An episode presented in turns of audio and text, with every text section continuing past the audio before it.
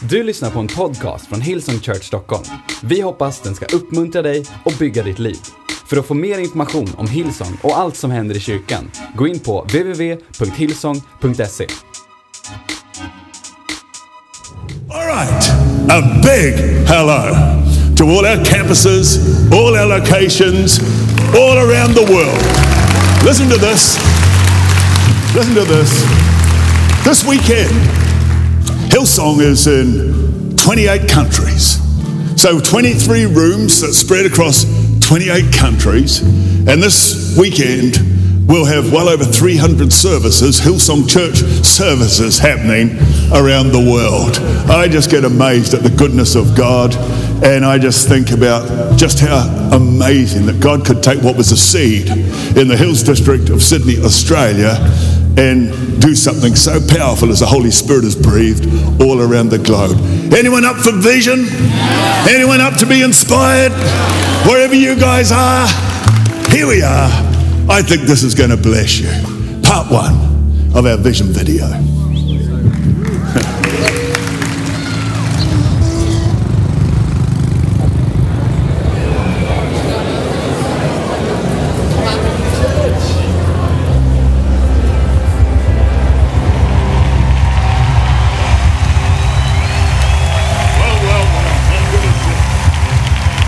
One incredible 20 years, multiplied tens of thousands of people, hundreds of thousands of people have connected with Jesus Christ. What a lot of people wouldn't know is it's only because of London that Hillsong Paris and Hillsong France is there. Spain, Barcelona. Now it's happening in Milan, it's happening in Budapest. So a big thank you from us and from everybody here. People across the world.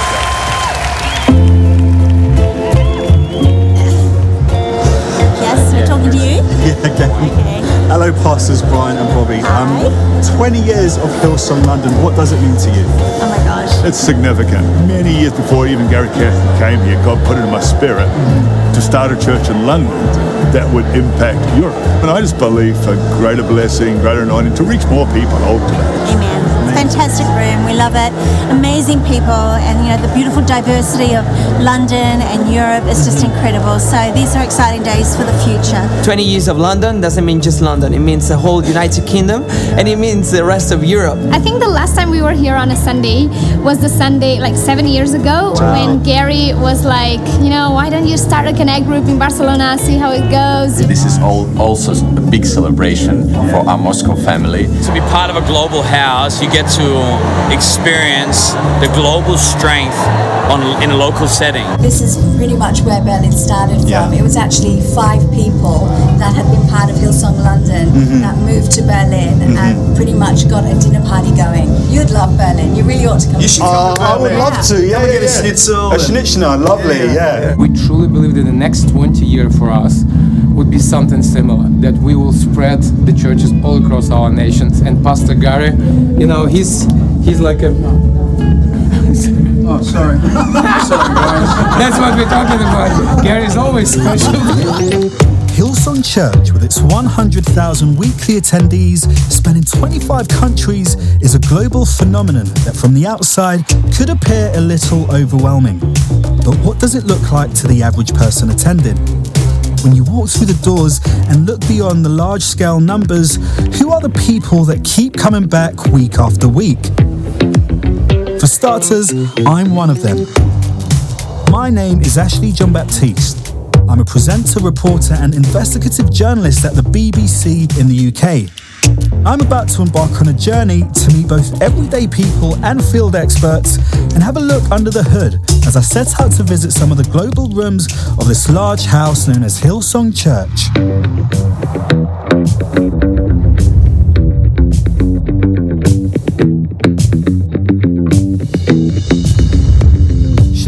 I've decided to take Pastors Joyce and Mark up on their offer and go to Berlin to meet some of the people there who, like me, call Hillsong home.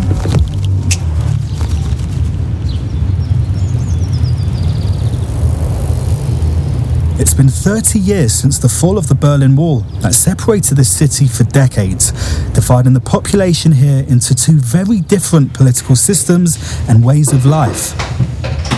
Hey, how you Good doing? see you. Nice to meet First off, I'm visiting Tini, who was born in the DDR, the communist ruled East Germany.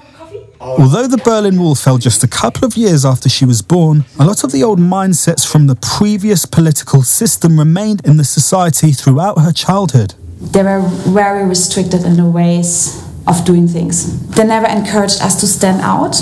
You stayed like quite neutral. You didn't really think out of the box. Right. It wasn't a society that promoted individualism, the idea that you could pursue your dreams. Yeah. As a child, did you have dreams for your future? And not, to be honest. Everyone around me growing up, they studied, they built a family, they built a house. I thought that's the set of life you're gonna live. You just follow what you what you know. Known as one of the most progressive cities in Europe, Berlin today is a thriving hub of art and creativity. But not long ago, the social climate looked quite different. The ripples caused by the historical political division is something that spans generations. Sister Anna lives just a few blocks away, and I've decided to go for a visit to hear some of her story as well. So this is where I live. Oh, look at this. About to get a bit messy doing some artwork. Uh, yeah, I'm working with plaster, just trying out new forms. And do you paint it and graffiti it as well? Yeah, on top. Anna's a local artist, something that her apartment testifies to. However, growing up with her sister Tini and the rest of their family in Eastern Germany, dreams of creating art weren't always encouraged by the culture they lived in. I think it was always in my heart to uh, to create something, but it was not really like an option that you could do it like a like a real job. What I also struggle is with what other people think about me, and of course, if you do art, you need to stand out in a way of Yeah, absolutely. here I am, this is my art, kind of. Hearing about these sisters' struggles with confined mindsets and a lack of opportunity to dream made me wonder are there more people here affected by the limiting mindsets of the past? And if so, how does that affect how the church here operates? Good to see you. Thank you. Hiya. Uh, Pastor Mark. Nice to see you. You know, walls come down, thankfully, but the walls in our thinking, in our mentality, is, is a lot harder to change. And the mentality of East and West is still there. I remember inviting some of the girls to our home mm-hmm. and giving this message of placing value on others. And as I looked at them, I realized it was just blankety blank because they actually hadn't experienced value placed on them first. Seriously. It's just constantly encouraging to think bigger, dream bigger, believe bigger. So that's why I believe building church is so important for us because it can help people change and see things differently.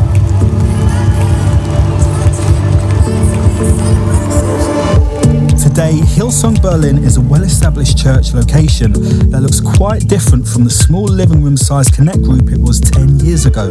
But the same atmosphere of encouragement and potential has always been present, something that Tini encountered during her first visit. It was not my first thought going to Berlin and finding a church, but I said, okay, I don't know that many people, I give it a go. It was a small group, probably eight to ten people, but I saw something in, in their eyes that was different, what I have never seen before. I found myself in a place where people started seeing things in me that I never saw before. Like what? They spoke potential into my life. They asked me questions like, "What would you like to love to do? You know, what are your dreams?" Um, I didn't know what my dreams were. Because you've never been given the chance Yeah. to dream. Yeah, yeah. Growing in this new environment, Tinny chose to plant herself here and is today a core part of the Hillsong Berlin team. Seems fairly straightforward to be honest. Ready?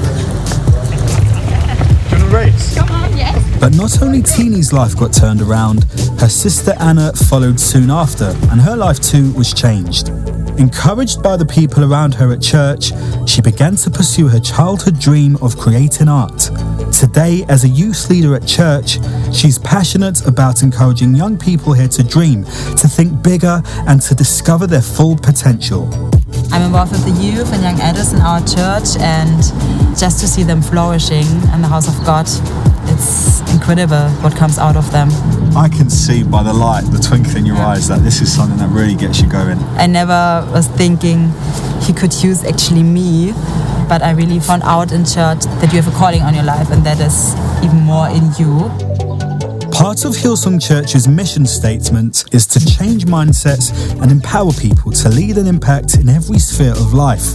But not only is that evident in Berlin, when it comes to my own life, I was raised in the state run care system and passed between foster homes. I wouldn't be where I am today if it wasn't for the faithfulness of God and the encouraging nature of a local church family. So basically, this block here, like all around here, like here, I mean, it is slightly hazy, but like this and like part of this part, all of this used to be where the children's home was. I remember when I moved here, just the sense of dread about what I was moving into. It wasn't a place that really felt like a family. Boys were in and out of the home, a lot of social issues, a lot of rejection, a lot of trauma we were dealing with. Like it just wasn't a home. When I left this home and I moved to another foster home, there wasn't a lot of touch. I remember that. Like, this wasn't a foster mum who would hug me. I remember once she called me a mistake. We went for a photo shoot, like her and her sons and me. And she then framed the picture without me and she put it up in the living room. And I, um, that just burnt me, man. Like living in that home and every day I saw that picture where, um, like I wasn't on it, that was really hard. For all of the, what I would say was coldness in that home, she also took me to church. So she would go to church every week and she forced me to go and I hated going. I absolutely hated going at the start. But there was a youth leader who, um, who was awesome and he would like invite me to hang out with his family. That was massive for me. I remember hearing that I wasn't a mistake at church, that I had potential.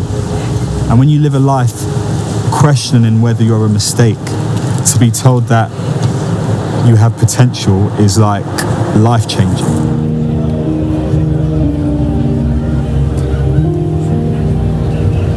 Just the culture of welcome home, a culture of community, a culture of you belong. That has been amazing for me. How fundamental the church has been in my now understanding of family.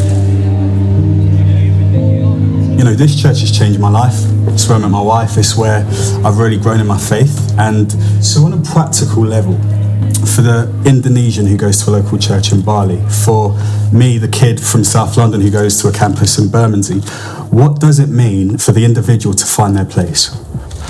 when we first ever built our very first building, one thing Bobby was very intentional about and very determined to do was greet everybody with a sign saying welcome home. Today we still see that as our goal, Yeah. that when people walk through that door they feel this sense of wow, I'm, I'm accepted here, I'm, I'm at home.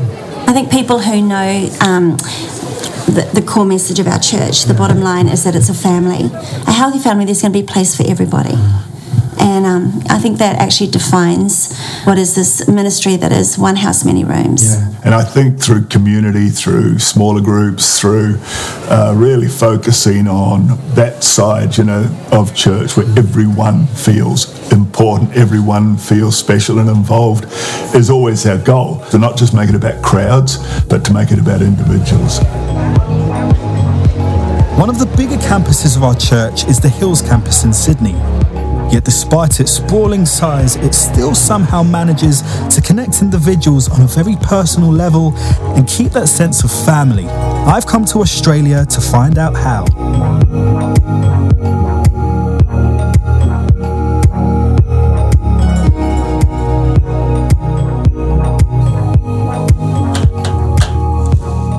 Hello. Hello. Hi, Gerard Ashley. I'm Gerard. Nice to meet you. Nice to meet you. When it comes to the way a church community can help in a time of need, Gerard and his daughter Eliana have first hand experience. Oh, look at that one. Guys look so happy. Oh, we were. There's a lot to tell about Sharon. I, I'm not sure if I can use the word soulmates, but we were so comfortable with each other that we could just sit and not have to say anything to each other, but just be next to each other. The fondest memories would be when we would actually um, go on holidays, um, and that's something which Sharon was very big on. She said we need to go out and we need to to to, to enjoy life. You know, you, you never know what's going to happen. After returning from a holiday one year, Gerard's wife Sharon was unexpectedly diagnosed with aggressive stage 4 cancer. Her treatment started immediately. She went for a first round of chemo, um, went for the second round of chemo, it became worse. It affected her really badly. Um, and I remember, I remember very clearly, um, we had gone to the chocolate shop during Easter. And then she looks at me and I'm like, okay, something's not right. And I walk to her and she shows me this um,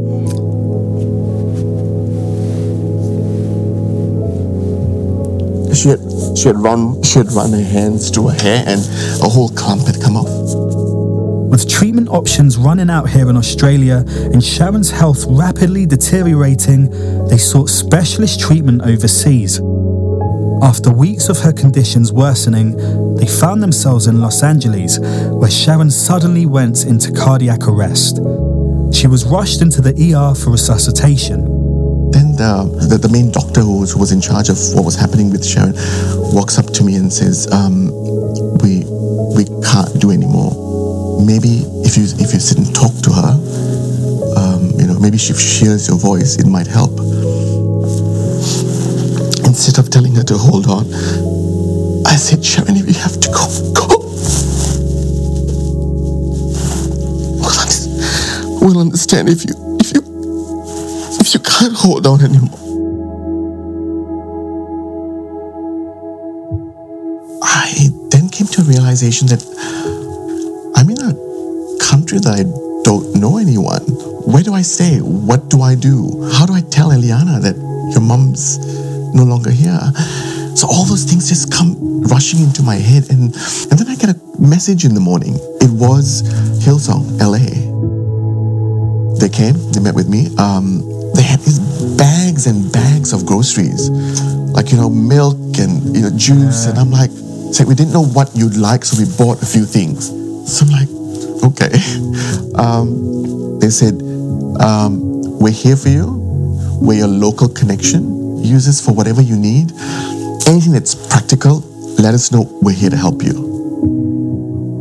They took a portion of that burden away. I didn't have to think of those practical stuff. I just had to deal with the more immediate things to get Sharon back home. How can a person go through a situation like what Gerard and his daughter went through and deal with that enormous weight of grief? Moved by their story, I've decided to visit a clinical psychologist, Dr. Launder, who has years of experience in the field. If grief is often the, the response to a significant loss in a person's life, that's not something that can just be fixed. For every person, grief is such a unique experience. We often hear the, the sort of the, the analogy, I guess, of knock on my door, it's always open. Yeah. But you know what? I actually think we need to fill the thermos mm-hmm. and get the coffee cups and actually go to the person and find out where they're at. Be there to listen, to try to understand what's happening for them. Mm-hmm. So, what church can do through friendships, through pastoral care, through to the people of a of a connect group possibly coming together to provide practical support through food or mm-hmm. through meals, the church can tangibly meet the needs of a person who's actually experiencing grief.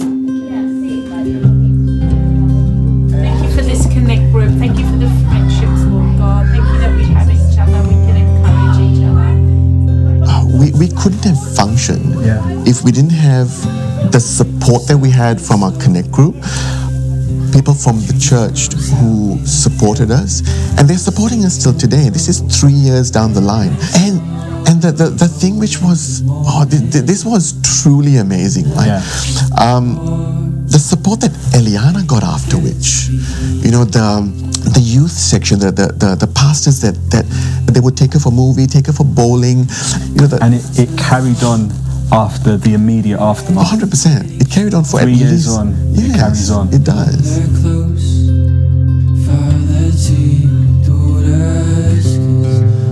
El- Eliana's growing up. Um, and church played a, a pivotal role, especially in the initial stages. And so that's something that we will not change. We'll continue going to church. We will continue mixing with the people that we have, our connect groups. Uh, we, we will grow with, with, with, everyone that we have around us. Other than that, you know, it's it's both of us. It's new to us. Yeah. You know, this new this life is new to us. Obviously, in London, I've been able to see how church, in that context, can change someone's life. But coming out to Sydney and seeing it here, it just speaks volumes about the same spirit of a church, regardless of where you are. So thank you for sharing your story with us, mate. You're more than welcome. Pleasure to meet you. Same here. as the church, I mean, at a staggering rate is expanding, which is a brilliant thing to see. How do you remain centered in your heart for the individual? I think if we just realize the gospel, Jesus had incredible encounters with one person. He spoke to crowds, mm. but so often the miracle related to one person.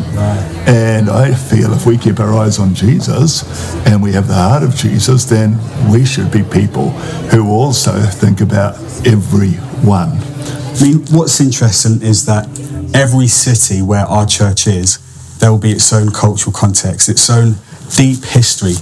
How is our church able to flourish across so many different cultural backdrops?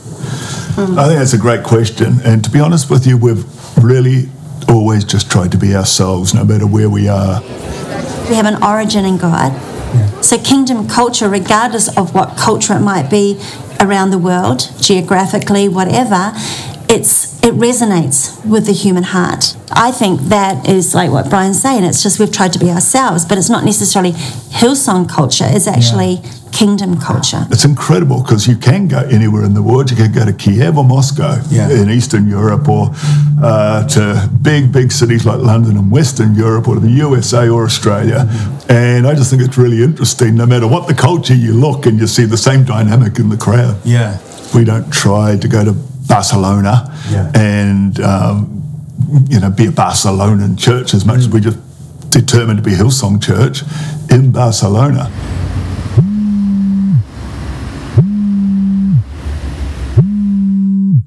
Hey, Steve, how's it going? Yeah, we're doing great. Good to see you. I'm, I'm jealous you're in Barcelona and I'm not. Oh, it's incredible. I understand that you were a church planter in Spain for 10 years, and so I just want to have a bit of a chat about church out here, if that's all right. Absolutely. The fact that Spain has got churches, when you define church as a building, there's plenty of steeples, and they just haven't got the peoples. And now you've got the same challenges as you do anywhere else uh, around Europe, where you, you're talking about, you know, post-religion, you're talking about anti-church. They call it the missionary graveyard or the Wow. church graveyard. It used to be, I'm a Catholic, I'm a Spaniard, and it's the same thing. They didn't see the difference. If I'm Spanish, I'm a Christian. What are you telling me about Jesus for? I'm, I'm, I was born in Spain.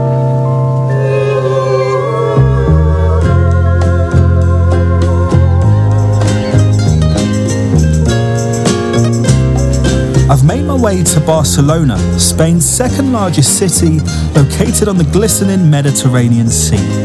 Much like other parts of Europe, the postmodernism era on the rise, the city's many grand cathedrals have often become historical monuments or mere tourist attractions.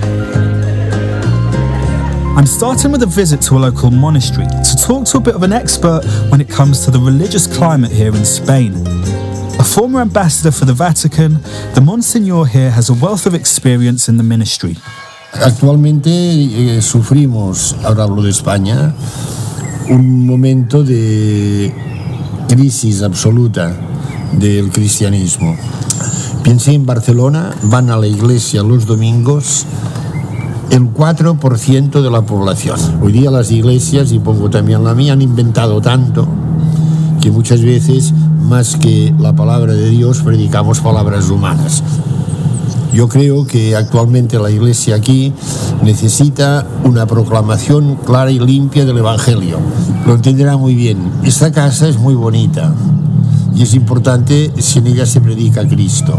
Si aquí no se predica Cristo, entonces yo sería el conserje de un gran museo.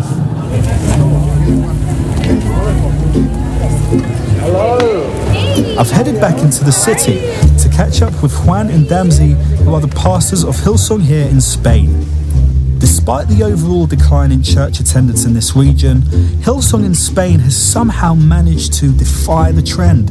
So, how can this church keep growing in a place where the very word church is perceived as archaic and a relic of the past? You know, you see a lot of people coming just to visit our beautiful city and then they get into these beautiful churches and it's just like a touristic place. So, you know, a few a few years ago we decided, you know, we're gonna change that. I remember one time we went into this massive Catholic church, and the priest was like, "Hey, no one's gonna come here. You know, there's always like only five or ten people." That night we have over a thousand people, and the priest was crying like, "I can't believe what I'm seeing." You know, This was a Catholic priest. yeah, yeah, yeah. And Yeah. He, he even asked us to anoint him. So we're like praying for him, anointing him with oil.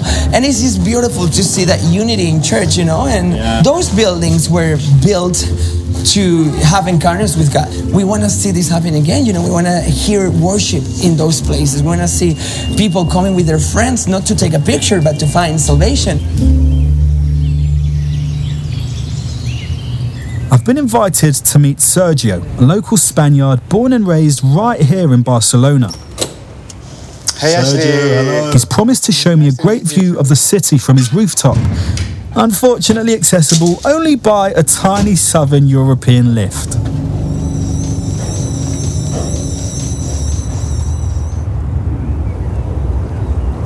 Oh, wow. You like it? Yes. Nice. Excelente. Yeah.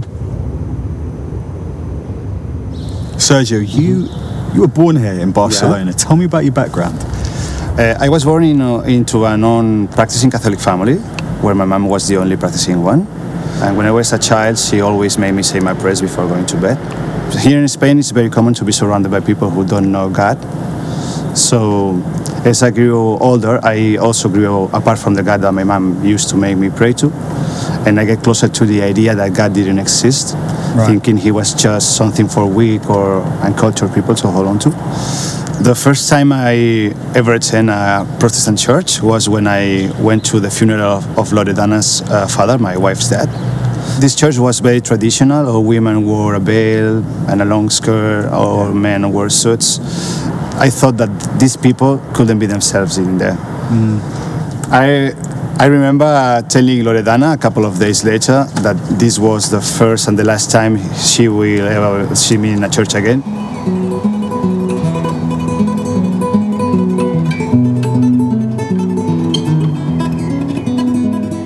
One day went to Hillsong Barcelona, and when she came back, she told me, Sergio, I really think you should check this place out. I must say that I was so impressed because I didn't expect that a church could be like that, full of kind people welcoming me. All these things, all, all these things erased the notions I had in my mind about the church. Yeah, but what it was when Pastor Juan uh, was talking when something unexplainable happened because he was talking about things that I didn't believe, like Jesus, God, salvation. But the message he preached spoke directly to my heart. Did you give your life to Christ? Yeah. Yeah. I have experienced in my own life that a church is not a couple of empty walls without meaning. A church is a community of people who adore and worship a God that is alive.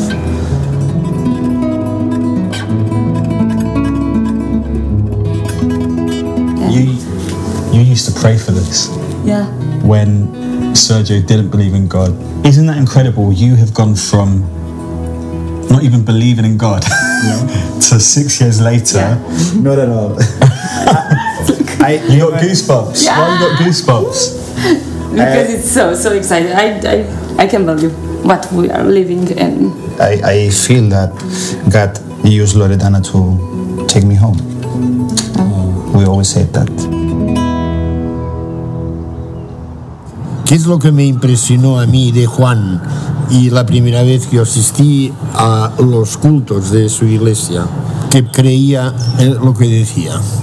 Y, y esto para mí es el gran descubrimiento de Hilson. El predicar la figura de Cristo en un lenguaje, en unas formas estéticas, musicales, tal, comprensibles. Yes. Oh, hello. There we go. Madre mía, qué bueno. La comida. There we go. It's amazing, man. I'm back in the city and it's dinner time. Hey, good. Over some tasty tapas, I'm seizing the opportunity to learn more about Hillsong Spain. How are they growing despite the overall trends of religious decline? And how are they doing it without even having their own venue? One thing that cannot be denied is that in Barcelona, church attendance has declined. But why do you think it's increasing when it comes to Hillsong Barcelona? We realize, you know, it's just it's just learning how to communicate the message Yeah, yeah, well. yeah. I think our church, you know, it has this grace of receiving people with with not putting that pressure on them of, you know, wearing a mask when you come to church and Yeah. I think that that breaks a lot of walls, you know. One thing um, that's quite interesting is that Hillsong Barcelona doesn't have a venue, yet, not and you literally move between venues every week. I mean, talk to me about that. Yeah. Yeah, I think in the last seven years we've been in more than 40 venues. Crazy. You know, God's always going to provide for the church. It doesn't mean it's not going to take effort and hard work, but He's always going to provide. And, you know, in seven years, 40 venues, but we've always been able to do church. Always. There's not been a week that we had to cancel. Is it Saturday today? Where are you going to do church tomorrow? Yeah, we're gonna do it in a different venue. Surprise! It'll be fun tomorrow. Uh, you're going to love it.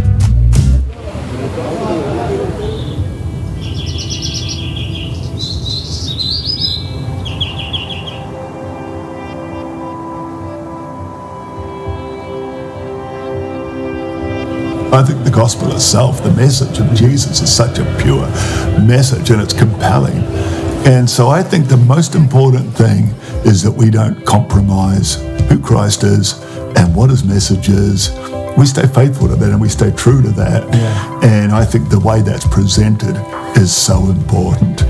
And I think that we have a message of hope, and that's how it comes. It needs to come across hope filled. And so I personally am very passionate about people in all walks of life being reached by the good news of Jesus. You know, not just the down and out, but the up and out. People at every intersection of society. I, I think the gospel can work for them. And the good news is, you know, the grace of God is that we see that more and more. We see people from all walks of life uh, really finding a hope in Jesus. And it's great news. The message is the message of Jesus.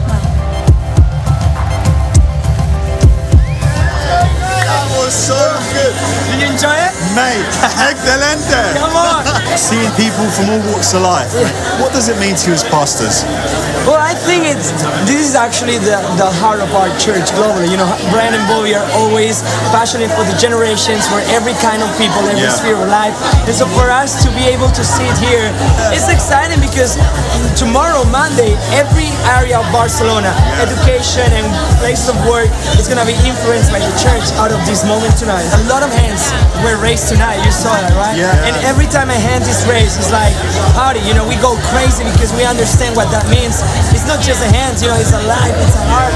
It's actually revived in Jesus' name. I think for us it's the best thing that you know church is becoming family for so many people, Yeah. and they just don't want to leave. So that's the best part. Getting to visit these cities and meeting some of the people that, just like me, call Hillsong home has been nothing short of inspiring. I'm realizing that what I've been a part of in London is in turn part of something way bigger than I could have imagined. In one way, the cultures have been vastly different the stories, the people, the context, but in other ways, they are so similar. The same culture of welcome home is prevalent wherever I go, to the point where I almost forget that I'm not in London, as the same atmosphere and spirit seem to flow in each campus, no matter the country or cultural context. God's spirit is the same no matter what room I visit, as people from all ages, backgrounds, and even denominations travel across cities, sometimes for hours, to gather together and to worship the same Christ. The phrase one house, many rooms takes on a new rich meaning. But my journey isn't over yet. I'm about to head across the Atlantic to South America as Hillsong United visit Brazil on their People Tour. I'm meeting them on the ground to try to find out what the hype is really all about. Hi guys, lovely to meet I'm you. also going to the United States to check out a story of an impossible medical situation that turned around in what could be called a modern day miracle of healing. Even as I look back on where I've been so far, the encounters I've had, the stories I've heard, I can't help but get excited about what God is doing.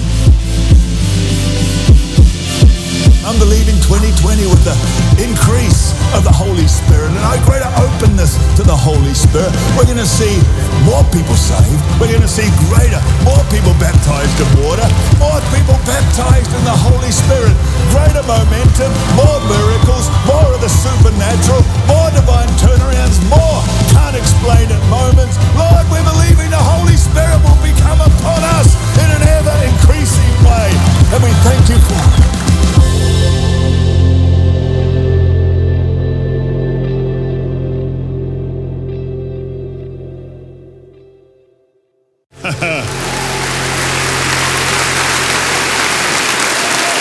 me so proud of our church.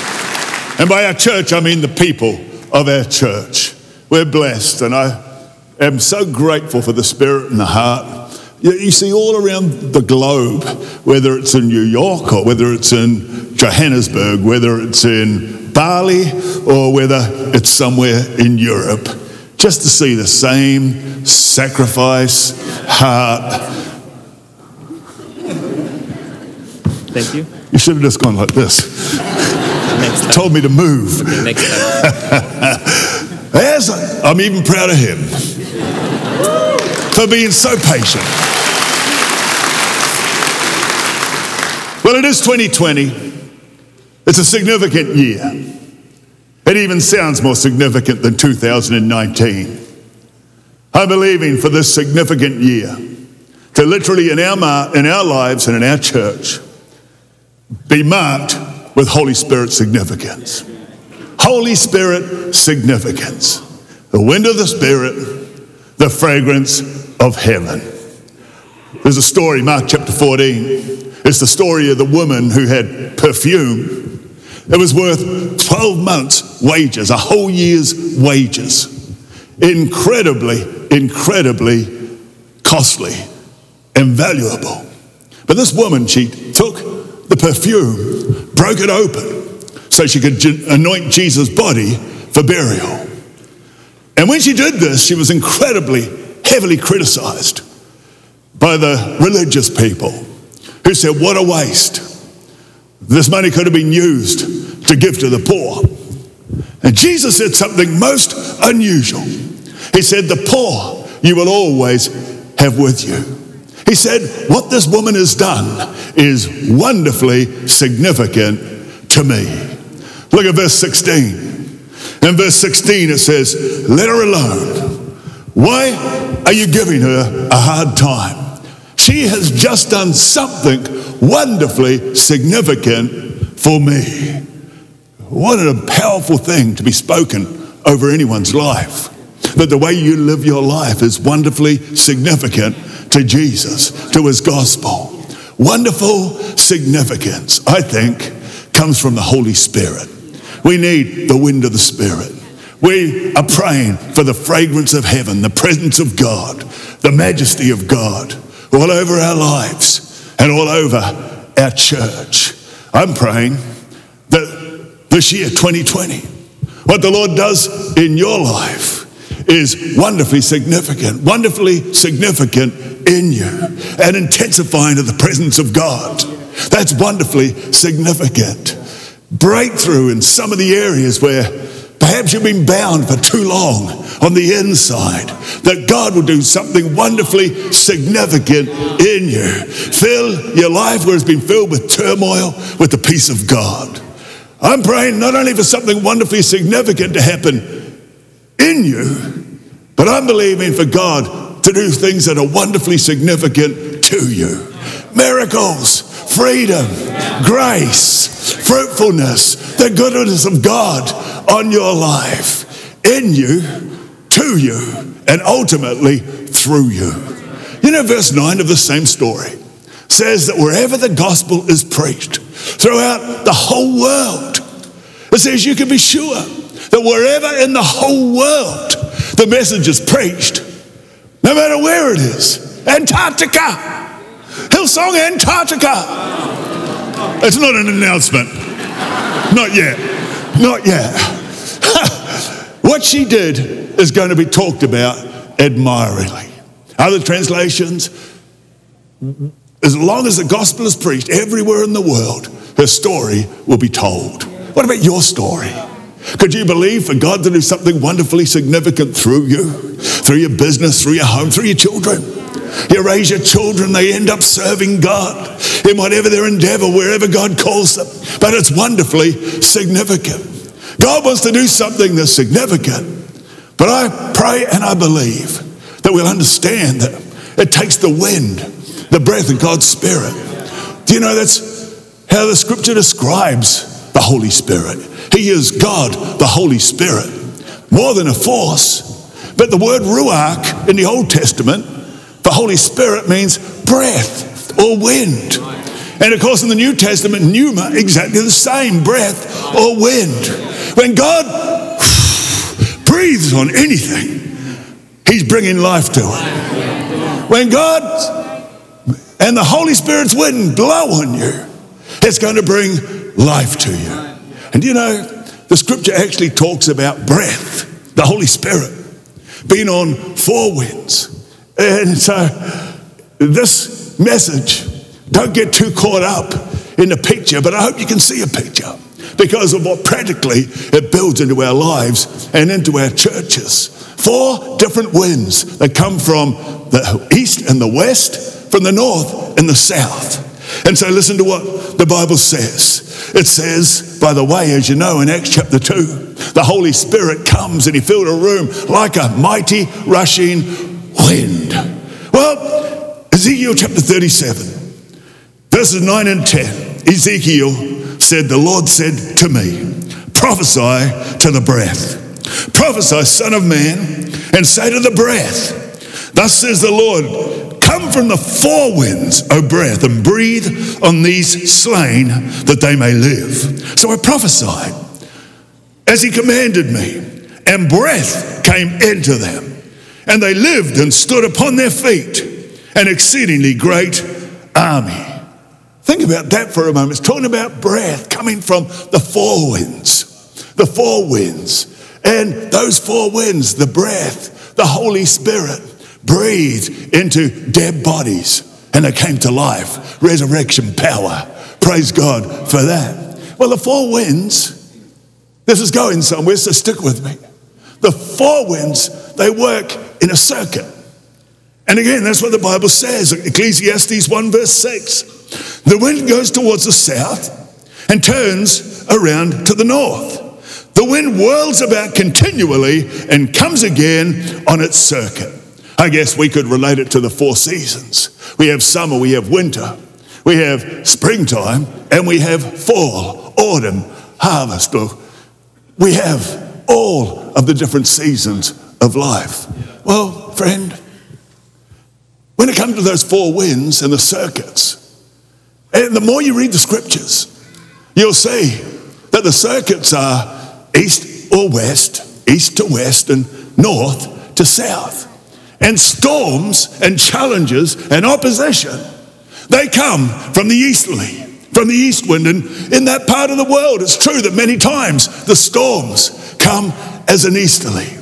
So the easter winds represents the challenge and the opposition and the storms in our lives, but the west wind, not just once, but again, over and over, the west wind is deliverance, it's victory, it's breakthrough. I'll give you a couple of examples. In the east wind, Job chapter 27, verse 19 to 22, talks about a rich man and says he will lie down but not be gathered up. He opens his eyes and he is no more. Terrors overtake him like a flood. A tempest steals him away in the night. The east wind carries him away and he is gone. It sweeps him out of his place. It hurls against him and does not spare. He flees desperately from its power. Or Exodus 10, verse 13, again talking to the east wind. And Moses stretched forth his rod over the land of Egypt, And the Lord brought an east wind. That's where the plagues came from. An east wind upon the land all that day and all that night.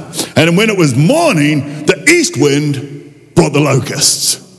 The east wind brought the opposition, brought the famine, brought the attack. But listen to the west wind. The west wind brings deliverance and provision. Exodus 10, verse 19, the Lord turned a mighty strong west wind, which took away the locusts and cast them into the Red Sea. There remained not one locust in all the coasts of Egypt. So the east wind and the west wind.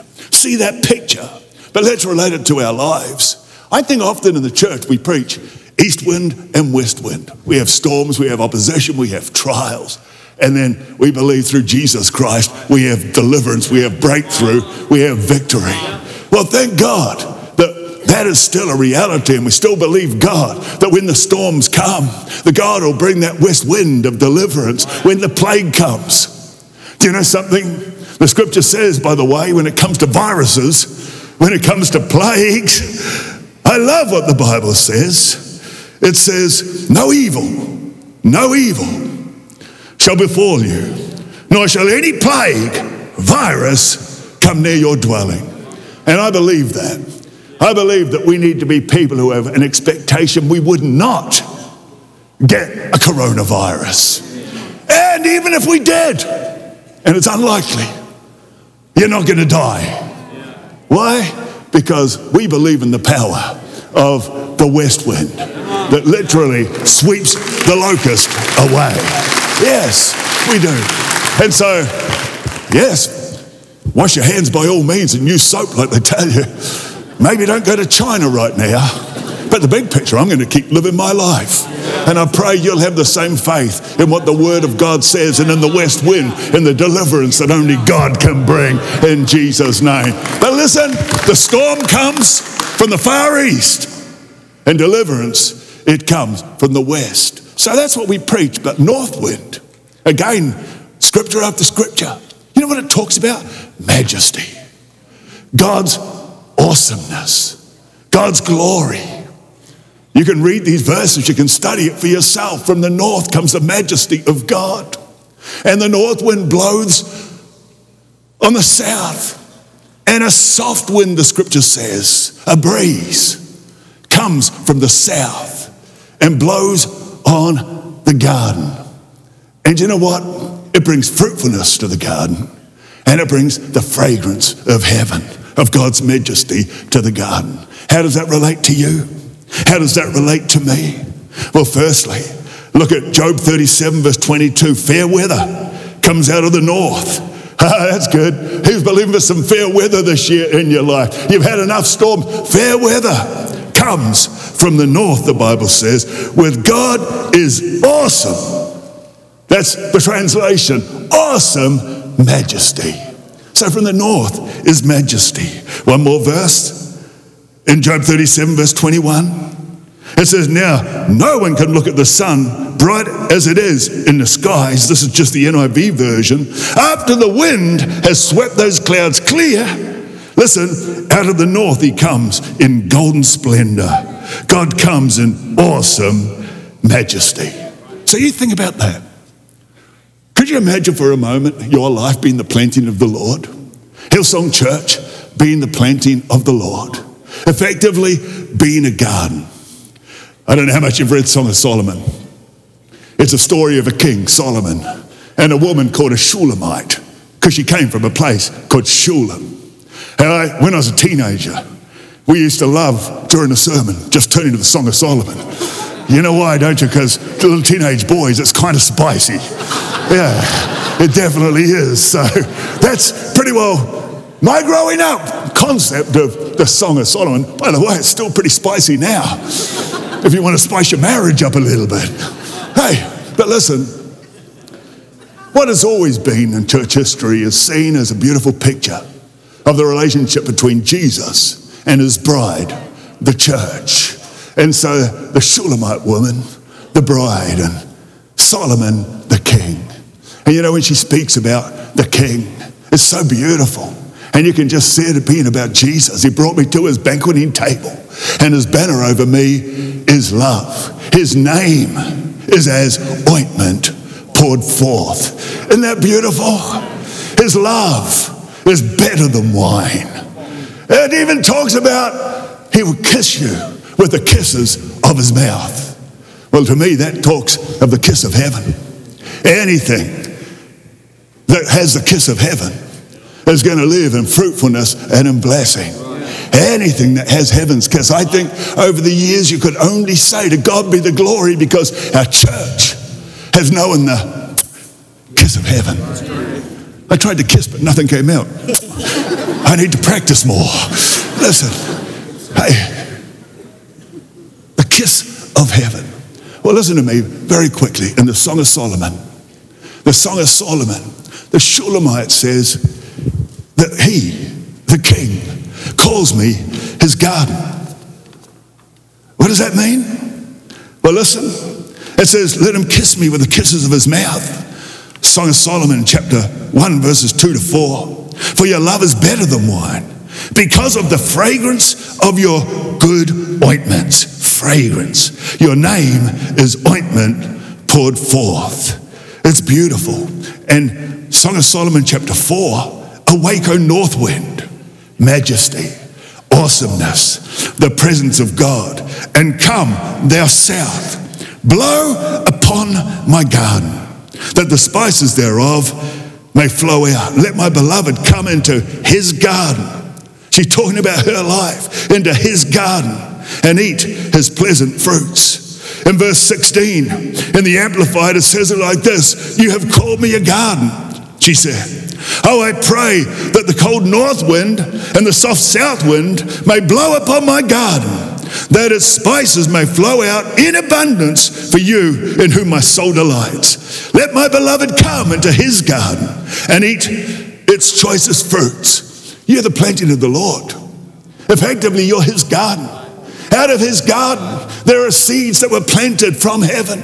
And I pray for the majesty of God to literally come upon your life, his planting, the garden of the Lord. Because what transpires is that that north wind, God's awesome majesty and glory and goodness and presence blows toward the south.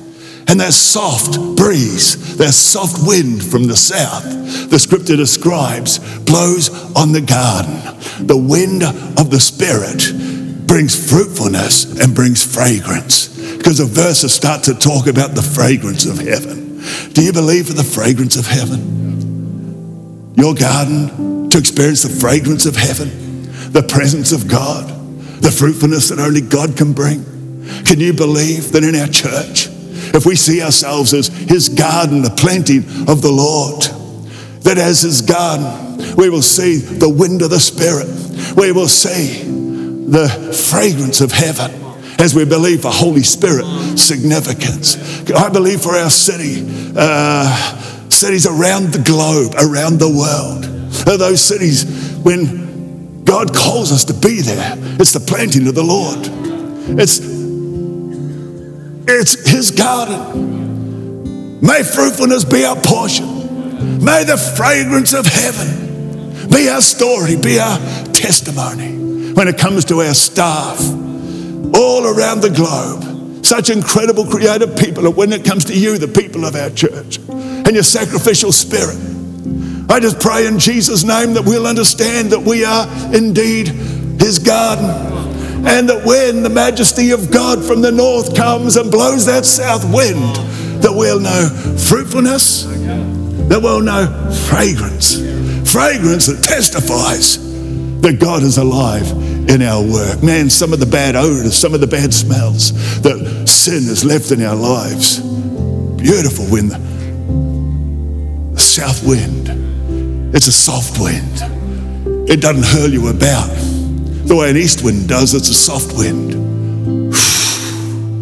Blows on your garden, your life, your endeavors, your family, bringing fruitfulness, bringing fragrance. If you believe it, say amen. Amen, amen, amen. So thank God. Thank God that we have that opportunity. So magnificent. I'm going to ask Bobbie to come and join me right now. And uh, as she does so, Bobbie, of course, is my beautiful wife of 43 years now. Just have, we're about to have, about to have our 43rd wedding anniversary. It's incredible, isn't it? I know. Wednesday. I know now, anyway. It's Wednesday. You know what, Bobbie and I, we want to pray for you all. But as we do, let me just tell you that I'm believing again for God's awesome majesty to touch cities that right now our church is not in. One of those cities is going to happen through Hillsong in Germany, and it's in Vienna, Austria. So this coming year, Hillsong Germany are going to plant. It'll be the planting of the Lord in Vienna. There it is, beautiful city in Austria. Hillsong Milan is already there.